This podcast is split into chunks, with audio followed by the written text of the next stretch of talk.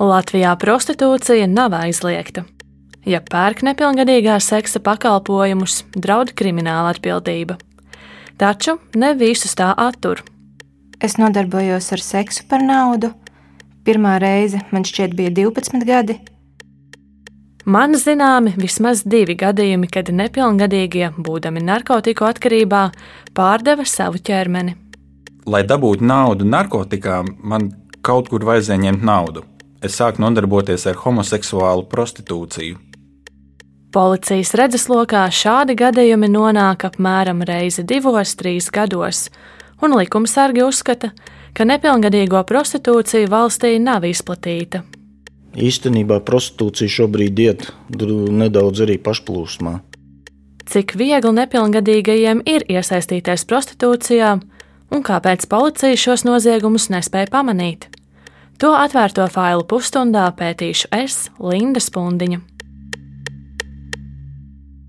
Pirmā daļa - Es ar tevi pārgulēšu, jo es tā gribu.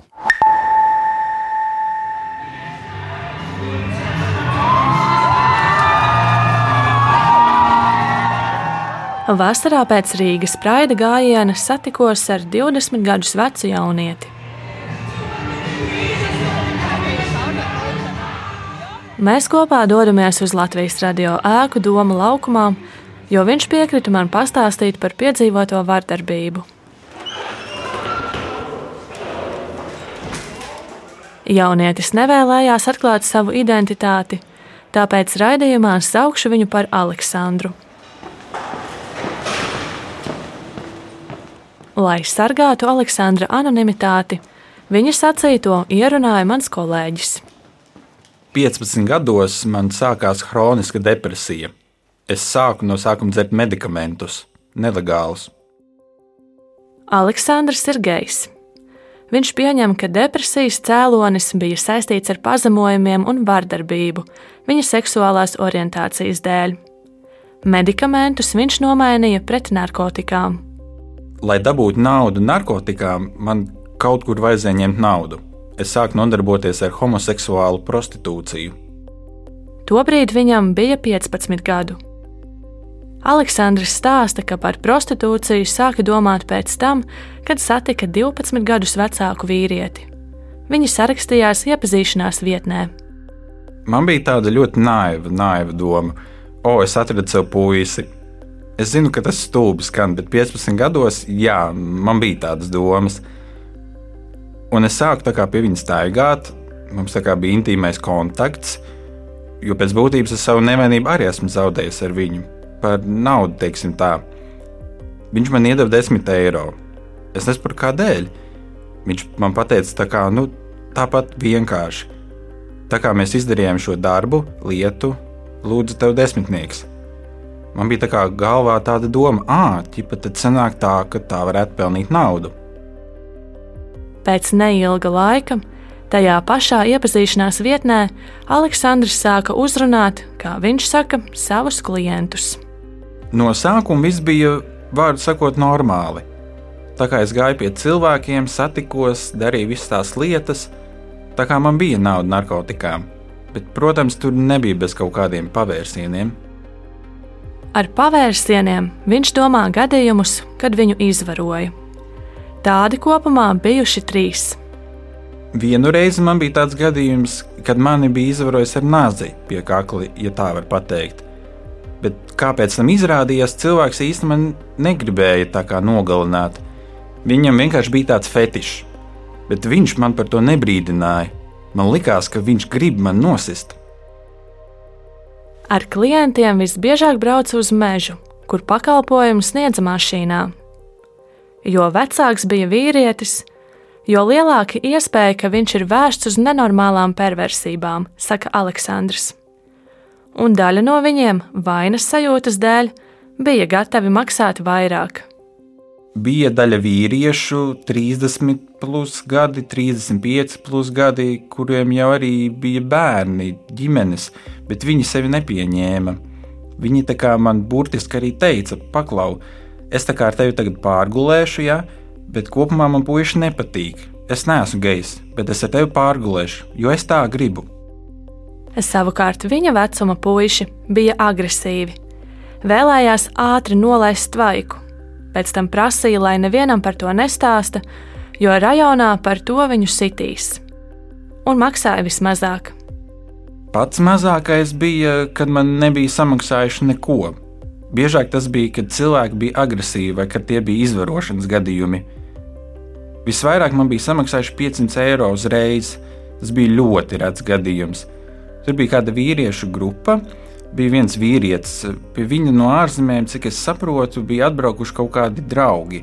Vīrieši visiem 40, plus gadi, 50. Plus, un tas bija tas gadījums, kad viņi man vot, samaksāja 500 eiro.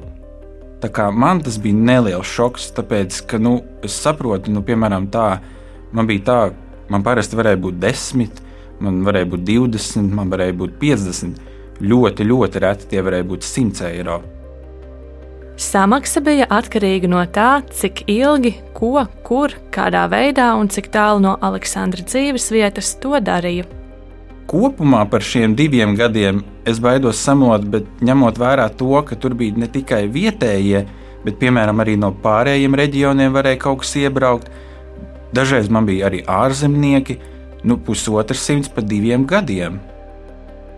Ņemot vērā, ka Aleksandrs bija seksuālās attiecībās ar daudz dažādiem vīriešiem, tas esot brīnums, ka viņš neiedzīvojās slimībās. Veiksmē pateicīgs ir jaunietis. Ar prostitūciju viņš nodarbojās pēc paša iniciatīvas. Neviens man neko neteica. Es vispār to gan tikai 17 gados savai tai jaunajai draugu grupai biju pateicis, ka man ir un bija tāda nodarbošanās. Ar tā 15 gados, 16 gados par to neviens nezināja. Prostitūcijai jaunais vīrietis punktu pielika, kad viņam bija 17 gadu. Tad man sākās plus-mínus normāls, kā man toreiz likās attiecības. Es saprotu, ka, ja es, piemēram, gribu satikties ar cilvēku, es nevaru, piemēram, vienlaicīgi nodarboties ar prostitūciju. Tas būtu stulbi. Vaicāju Aleksandram, vai vīrieši zināja, ka viņš nav pilngadīgs.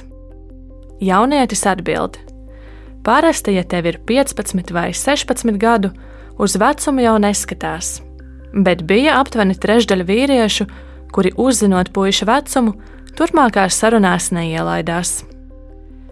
Nepilngadīgas personas prostitūcijas izmantošana ir krimināla sodāma. Aleksandrs par notikušo nav ziņojis, jo viņam bija bail. Tādā gadījumā būtu jāatklāj, ka viņš ir gejs, bet ģimene to nesaprastu. Es saprotu, ka es nevarēšu tagad iesūdzēt visus, visus cilvēkus, kuri mēģināja man izvarot, vai reāli man izvaroja, jo es vienkārši neatceros, kā viņus sauc. Es neatceros, cik viņiem ir gadu, un es neatceros, kā viņi izskatās, jo visas tās lietotnes, kuras man bija, viņas ir dzēstas. Aleksandrs stāsta, Ja arī viņam būtu informācija par šiem vīriešiem, viņš nevēlas vēlreiz atminēties notikušo. Man būtu psiholoģiski sarežģīti ar tiem cilvēkiem kaut kādā veidā vēlreiz saskarties. Aleksandrs nesaglabāja nevienu pierādījumu, kas apstiprinātu sacīto. Tāpēc nolēmu izveidot viltus profilu tajā pašā iepazīšanās vietnē, kurā viņš meklēja klientus. Telefona aplikācijas nosaukumu neminēšu, lai to nereklamētu. Taču varu teikt, ka tā ir labi zināma ne tikai Latvijā, bet arī ārzemēs. Tā paredzēta homoseksuāliem vīriešiem, tāpēc uzdodos par puisi. Profilā nenorādot ne vārdu, ne vecumu, pat neievietojot bildi, man jau pienāk pirmās ziņas. Man raksta vairāki vīrieši, gan latviešu, gan angliski. Viņu profilu bildēs redzamas vien kājas vai kādas citas ķermeņa daļas, ir fotografijas apakšveļā. Daudziem bilžu nemaz nav, vien retais profila attēlā atklāja savu seju. Taču ir plaša informācija par iecienītākajām seksa pozām, kā arī, kad pēdējo reizi veikts HIV tests.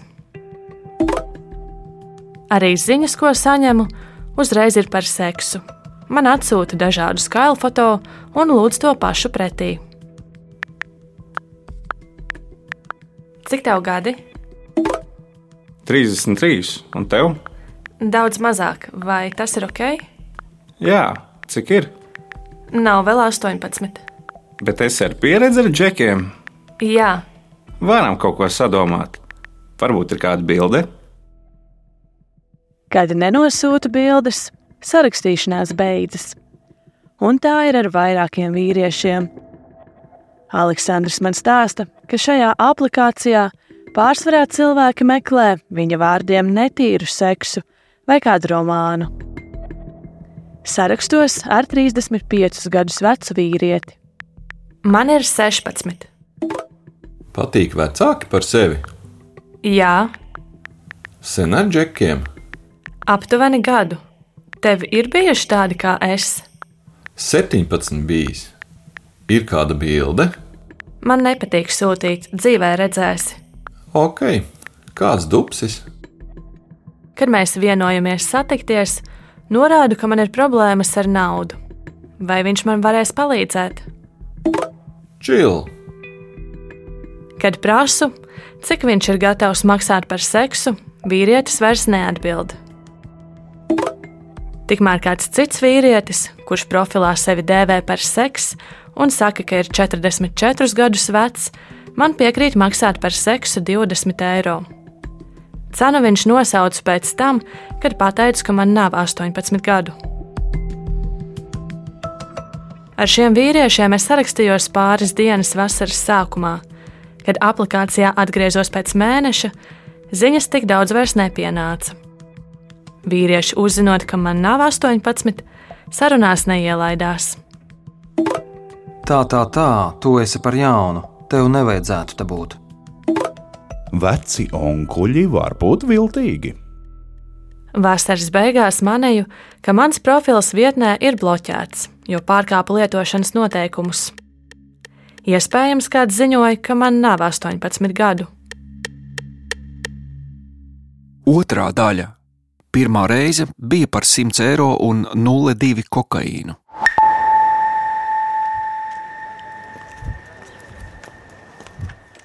Pie Latvijas radio ēkas vecrīgā sagaidu skolnieci. Meitenei ir 15 gadu, bet spilgtās kosmētikas un izturēšanās dēļ viņa izskatās krietni vecāka. Meitene ir īpaši aizsargājama, jo nav pilngadīga. Tāpēc raidījumā viņu saukšu par Annu, un viņas sacīto atveido mana kolēģe. Annai bija grūti iejusties skolā un ar kādu sākt draudzēties. Tāpēc attapās kopā ar jauniešiem, kuri lietoja narkotikas, stāsta meitene. Un vienā jaukā dienā es, mēs tusējāmies pa kaut kādām sabiedriskajām toaletēm, kas bija tā kā normālas, un, un, un viņi man piedāvāja. Es pat nezināju, ko es ņemu, kāpēc es ņemu, un tā tas arī aizgāja. Tā viena reize pārvērtās par divu gadu ilgu atkarību. Viņai tobrīd bija 11 gadu, bet draugi bija vecāki. Lai iegūtu narkotikas, Anna pārdevās. Es nodarbojos ar seksu par naudu. Pirmā reize man šķiet bija 12 gadi. Es tos pašus vīriešus arī telegramā atradu, viņi visi bija pilngadīgi. Pati pirmā reize bija par 100 eiro un kādu 0,2 kokaīnu, man šķiet. Vīrieši, pie kuriem viņa brauca, visbiežāk paši lietoja narkotikas vai tās pārdeva. Viss sākās telegramu grupās, ka es biju tik ļoti izmisusi, ka es sāku meklēt vīriešus. Es arī bēgu no mājām, es ierakstīju, vai kādam ir kur palikt. Telegram tajos masīvajos narkotiku čatos. Man rakstīja, un tad es braucu pie random džekiem no narkotiku grupām. Vai nu es ar viņiem nodarbojos ar seksu par naktsmājām, vai par naudu, vai par narkotikām. Tie bija dažādi vīrieši, pārsvarā vietējie. Visi par Annu bija vecāki vismaz desmit gadus. Vecākais man šķiet bija 33. Man par vecumu neko neprasīja. Es pateicu 16, un vairāk jautājumu nebija. Man pilnīgi nebija nekāds pašvērtējums, man pilnībā nebija nekādas robežas. Man galvenais bija nauda. Tobrīd par to zināja viņai tuva draudzene, kas Annu saprata, jo pati esot rīkojusies līdzīgi. Meitene stāsta, ka par naudu pārgulēja ar apmēram 30 dažādiem vīriešiem. Viņi domā, ka tu esi jauna, tu esi naiva, un tu darīsi visu, ko viņi vēlēsies. Ja tu pavirsi dabū naudu, tad tev nav iespēja pateikt nē. Tev nav iespēja novilkt kādas robežas. Meitenei nerūpēja, vai vīrieši izmanto prezervatīvu, kura reizē nemaz nebija. Viņai viss bija vienalga. Atskatoties, Anna priecājas, ka vispār palika dzīva. Bija viens, kurš gribēja, lai es ļoti pretojos, jo viņam bija kaut kāds izvarošanas fetišs. Viņš vēlējās, lai es jūtos, it kā es tiktu izvarota. Tad bija vēl viens, kas vispār man neļāva runāt. Tad bija viens, kurš gribēja, lai es kliedzu. Parasti cena bija no nu 100 apmēram. Minēts jau gāja 30, 50 kā kuru reizi. Anna saka, ka notikušo atceras slikti. Es neatceros visas situācijas, jo man narkotiku dēļ tā atmiņa ir kāda ir. Man nāk random flashbacki, bet nu ne īsti. Kad māte Annas mantās atrada tablešu pulveri, viņa izsauca policiju. Tad arī sākās visas tās atkarību ārstēšanas iestādes, un psihenes, un klīnikas, un narkologi, psihologi, psihiatri, visi tie. Mātes atbalsts palīdzēja Annai izkāpt no bedres, kurā bija iekritusi. Rehabilitācija bija ilga, jo no atkarības pilnībā atbrīvojās vien šī gada pavasarī. Kad narkotikas vairs nevajadzēja, viņa pārstāja nodarboties ar prostitūciju.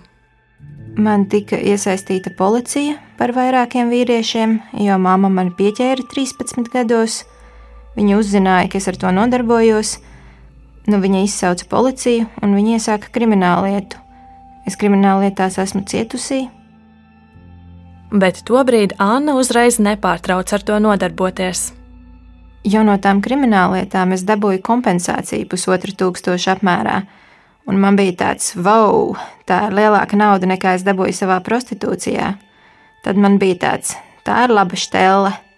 Tas vienīgais ir ļoti laikietilpīgi. Nu, man tāds toksik treit ir tas, ka es uz mauslī visiem fujakiem, kuri man tā kā nepatīk, kuri man ir tā kā dvēselē iedirsuši, un kuri zināja to, ka man ir 16, es uz viņiem ik pa laikam uzrakstu kādu smuku kriminālu lietu. Anna stāsta, ka pietika policijai nosaukt aptuvenu adresi un cilvēku aprakstu, lai likumsargiem izdotos viņu atrast. Tajā nozarē viņi strādā ļoti ātri. Burtiski nedēļas laikā jau atrada to dzīvokli, un man bija jāatpazīst. Man neoficiāli zināms, ka divas krimināla lietas nodotas prokuratūrai, bet vienu vēl izmeklē, Taču lietas esot saistītas ar pornogrāfiska satura apriti, ne ar nepilngadīgās prostitūcijas pakalpojumu pirkšanu. Trešā daļa - prostitūcija šobrīd iet pašplūsmā.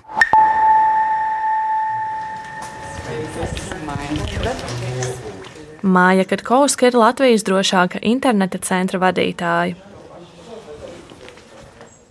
Centrs rūpējas par bērnu drošību internetā. Tāpēc gribu noskaidrot, vai ir manīti kādi signāli, ka nepilngadīgie sevi piedāvā internetā. Pēdējo piecu gadu laikā es teiktu, ka ir tas tendence par to, ka bērni jau sāk pamanīt, ka tas ir tāds ienesīgs biznesiņš, ja tā to var vispār nosaukt. Saka Māja Katkauska. Viņai jautāja par to, cik atbildīgas ir iepazīšanās vietnes. Nu, ir kaut kāda konkrēta noteikuma iepazīšanās vietnēm, kas pasaka, ka tev ir jābūt 18 gadīgam, eh, bet tajā pašā laikā viņiem tādu mehānismu, kā izkontrolēt to, lai eh, pārliecinātos, ka tiešām ir vai nav 18, īsti nav. Tas tāpēc, ka vietnes neprasa personu apliecinošus dokumentus. To nedara, jo, ja informācija noplūstu, par to draudētu bargs sots. Tādēļ platformas aicina lietotājus ziņot par aizdomīgiem profiliem, ar dažādu programmu palīdzību pēc atslēgas vārdiem cenšas izķert nepilngadīgos. Jautājums, cik efektīvi viņi to var izdarīt? Notiekošiem sociālajos tīklos seko līdzi arī valsts policija. Šīs platformas ir zināmas ne tikai sabiedrībai, bet arī policijai. Protams, ka mēs viņas arī monitorējam. Internetā persona domā, ka viņa ir inkognito, bet uh, ar dažādām izmeklēšanas metodēm mēs noskaidrojam uh, gan personību, gan personas vecumu un vispārējo. Tā stāsta Armāns Lubārds no valsts policijas. Viņa vadītā nodaļa strādā ar cilvēku tirzniecības un sutinerismu apkarošanu valstī. Nepilngadīgos, kas nodarbojas ar prostitūciju, policija vienmēr uztver par cietušajiem, arī tad, ja neviens apzināti viņus neievelk šajā rūpalā. Tur apakšā stāv noteikti kāds pārdzīvojums, kāda vardarbība, vecāku nolaidība, varbūt tā ir skolā saskarsme ar kaut kādu nelabvēlīgu vidi, ar kādu vardarbību. Tā ir bērnam iepriekšēja pieredze, kas viņam lika šajā jomā iekļūt.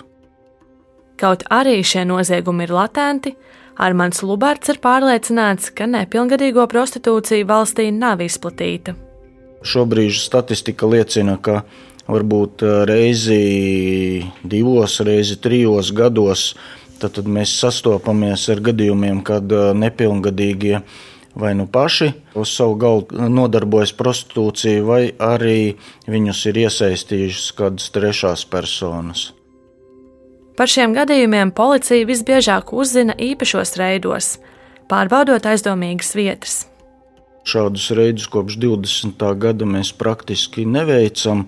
Ne tikai mūsu nodaļa, bet uh, konkrēti arī valsts policija, visu un uh, pašvaldības policija. Likumdevējs mums ir izņēmis svarīgu ieroci no rokām, un ļoti daudz kas mūsu redzeslokā kopš šī brīža arī nenonāk vairāk. Armāns Lubārds piemin izmaiņas likumā, kad 2020. gada vidū spēku zaudēja administratīvo pārkāpumu kodeks. Kopā ar to pazuda administratīvie sodi, kurus varēja piemērot prostitūtām par prostitūcijas noteikumu pārkāpšanu. Armānda Lubārta ieskatā policija nevar veikt kontrolu pirkumus, jo sodus par pārkāpumiem nepiemēro. Īstenībā prostitūcija šobrīd iet nedaudz arī pašplūsmā. Šobrīd šo jomu īsti neviens nekontrolē, un arī suteneram mums ir sarežģītāk tikt klāt, ja mēs nepierādām pašu prostitūciju. Vai nepilngadīgo gadījumi prostitūcijas ir konstatēti kopš 20. gada? Ja nemaldos, viens gadījums šāds bija, kad vecāki, nelabvēlīga ģimene savu nepilngadīgo meitu par atlīdzību saviem paziņām seksuāli izmantoja. Par šo gadījumu policija uzzināja no sociālā dienesta. Prostitūcija ir viena no cilvēktiesniecības formām. Vairāk nekā 20 gadu pieredze uzturot valsts apsūdzību šādās lietās tiesā ir prokuroram Aivaram Bergmanim. Jā, Ar viņu tiekos prokuratūrā. Prokurors atceras pirmās nepilngadīgo prostitūcijas lietas. Strādājot pēc sekām, mēs noskaidrojām, ka ir organizēta grupa. Pirms 25 gadiem bija skaļa pedofīlijas lieta, kur modeļu aģentūra nepilngadīgos iesaistīja pornogrāfijā. Kad organizētā noziedzība mēģināja pārdot nepilngadīgas meitenītes uz uh, Vācijas bordeļiem. Šis gadījums bija 2000. gadu sākumā. Abās lietās noziedzīgos grupējumus bargi sodīja. Prokurors Bergmanis uzskata, ka tāpēc grupējumi neriskē. Runāt par tādu masveida nepilngadīgo prostitūciju, manuprāt, nav pamata. Jo organizētā noziedzība baidās aiztikt mazgadīgos un nepilngadīgos, jo zina, ka būs bargi sodi, un tā peļņa, ko no tā var gūt, nav samērojama ar sodu. Protams, ir atsevišķi gadījumi pedofīlijas, ja, kad kaut kādi īpaņi ar kaut kādām, nu, manuprāt, novirzēm, psihiskām, ja, kad uh, mēģina iesaistīt prostitūcijā šīs nepilngadīgās. Vaicāja prokuroram par gadījumiem, kad noziegumā neiesaistās suteneri. Manā rīcībā tāda informācija nav. Vai tādas lietas ir daudz? Es domāju, ka nē. Jo patiesībā šis noziegums praktiski nav atklājams. Jo, ja abas puses ir apmierinātas, tad neviena no pusēm nav ieinteresēta atklāt. Rīgas tiesas apgabala prokuratūras prokurors Bergmanis stāsta, ka prostitūcijas lietas ir grūti aizvirzīt līdz tiesai. Kurš grib pateikt to, es esmu prostitūta? Nu, neviens par to negrib runāt. Un upurim ir tāda īpašība, ka viņš grib aizmirst. Viņš arī neatcerās. Paiet laiks, kamēr amatpersonas iegūst cietušo uzticību. Prokurors Bergmanis saka, ka ir izveidojusies laba sadarbība ar nevalstiskajām organizācijām, kas spēj palīdzēt upuriem, tādējādi arī iegūt informāciju, kas noder krimināllietā. Ceturtā daļa - meiteni iznomā ārvalstniekiem.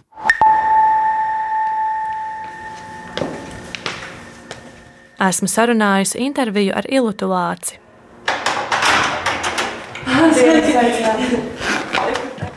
Viņa ir biedrības centra Marta vadītāja. Tur atbalstu saņem prostitūcijas upuri. Bet paldies tiešām, ka jūs taisat par šo uh, ceļu gaismošu to visu, jo nu tiešām cik vārdi. Organizācija ar šo problemātiku saskaras jau 20 gadus.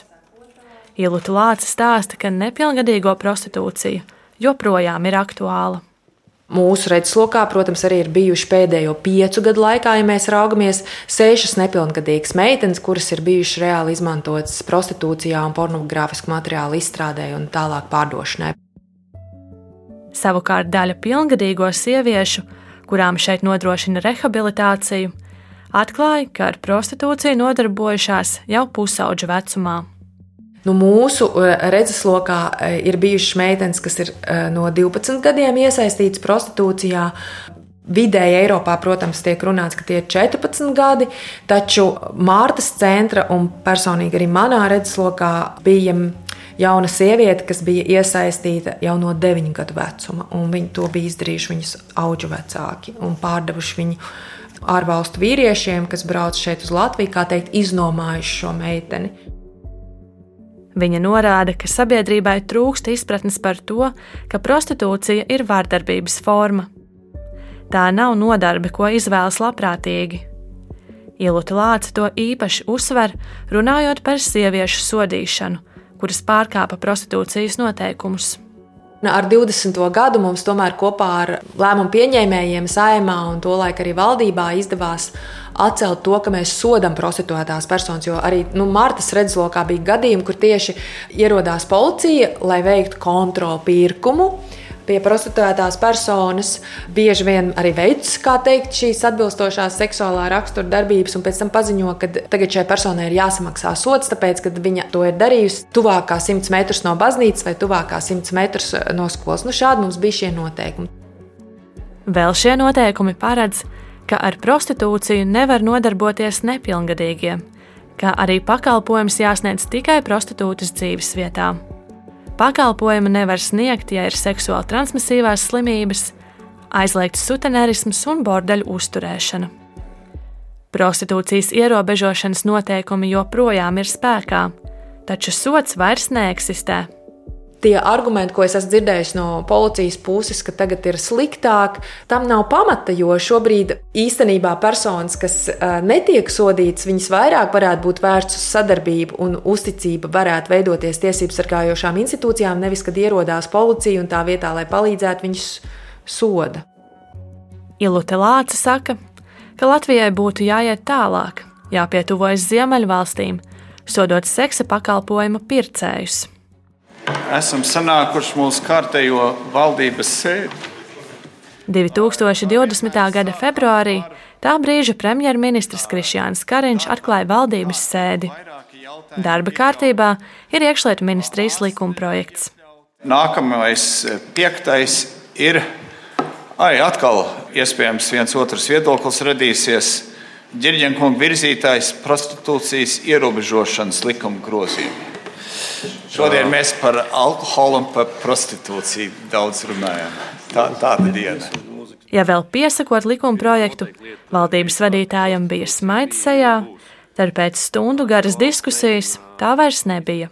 Mums ir drusku dilemma, jo mums tiešām nav pat vienādas izpratnes apgaldi. Nemaz neskaidrs, vai mums ir vienāds viedoklis.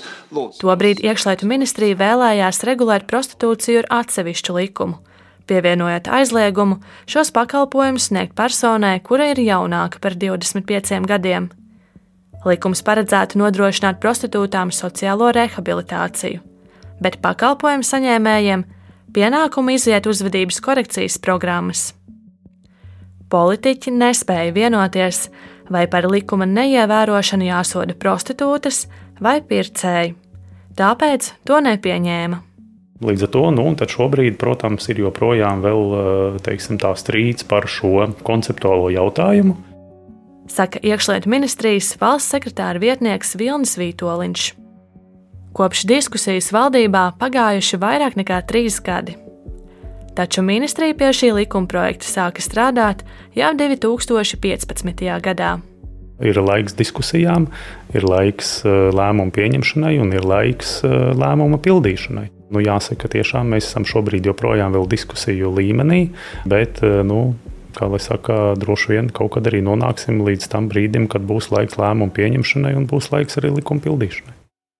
Vilnis Vitoļņš skaidro, ka likumprojekts joprojām ir dienas kārtībā, taču ņemot vērā pēdējo gadu krīzes, tāpat arī ministru maiņu, prostitūcijas jautājums palicis otrajā plānā. Kamēr likums nav pieņemts, policija pārkāpējus var aicināt ievērot šī brīža noteikumus, bet cik tas ir efektīvi, piebilst ministrijas ierēdnis. Ja prostitūcija ir regulēta, tad policijai to vieglāk kontrolēt un tā neaiziet pilnīgā pagrīdē. Tobrīd virzītā likuma viens no mērķiem bija novērst bērnu un jauniešu iesaistīšanos prostitūcijā. Vai tad, ja likumprojekts būtu pieņemts un stātos spēkā, tas novērstu bērnu un jauniešu prostitūciju?